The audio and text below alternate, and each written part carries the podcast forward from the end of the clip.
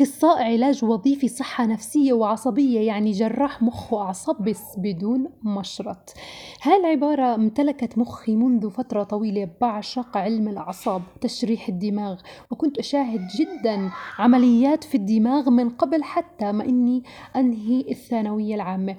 ولا حتى إني قبل ما أدخل التخصص العلاج الوظيفي كان عندي شغف عظيم جدا وفضول أعرف كيف هالدماغ بيشتغل وكيف بنقدر نساعده وكيف بنقدر إنه إحنا نتخصص أكثر فأكثر ونساعد ناس فقدوا وظائف دماغية منذ الولادة أو حتى بعد الولادة أو حتى على عمر كبير. ولحد اليوم لسه عندي هاي كلها القصص والشغف لم ينتهي وبيزيد فضولي أكثر. كل ما عرفت أكثر ولكن ولكن بفضل الله عز وجل بصير في توجيه أكتر وفهم أكتر. يعني كنت أقول مثلا ماذا لو استطعنا إنه الإنسان اللي فقد مهارة فقد ذاكرة فقد جزء كبير من دماغه إنه نعمل له هالجراحة البسيطة. لكن لما تعلمت أكثر وتعمقت أكثر قديش ممكن الإنسان يغير ويتغير ويعطي من خلال اللي هي المسمى النيوروبلاستيسيتي أو اللي هي عبارة عن المرونة آه، آه، العصبية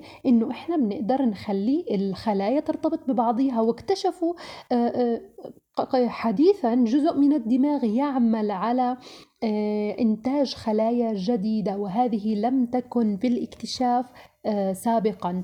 فإذا في خلايا جديدة في مناطق وخاصة المناطق العاطفية شوف رحمة الله سبحانه وتعالى.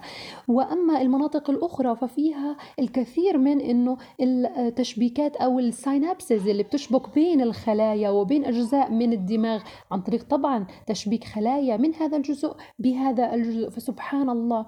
الذي علمنا وفهمنا. وبنرجع بالنهاية بنحكي كمان مرة إنه كيف إحنا بنقدر نكون جراحين بس بدون مشرط. بإنه إحنا نعرف الطرق اللي تخلي وتعزز هذا آه، آه، النشاط داخل الدماغ إما أنه يولد خلايا جديدة أو ساينابسيس روابط آه، جديدة بين الخلايا أو أنه ينشط مناطق لم يحدث لها أي استفزاز أو تنشيط في السابق.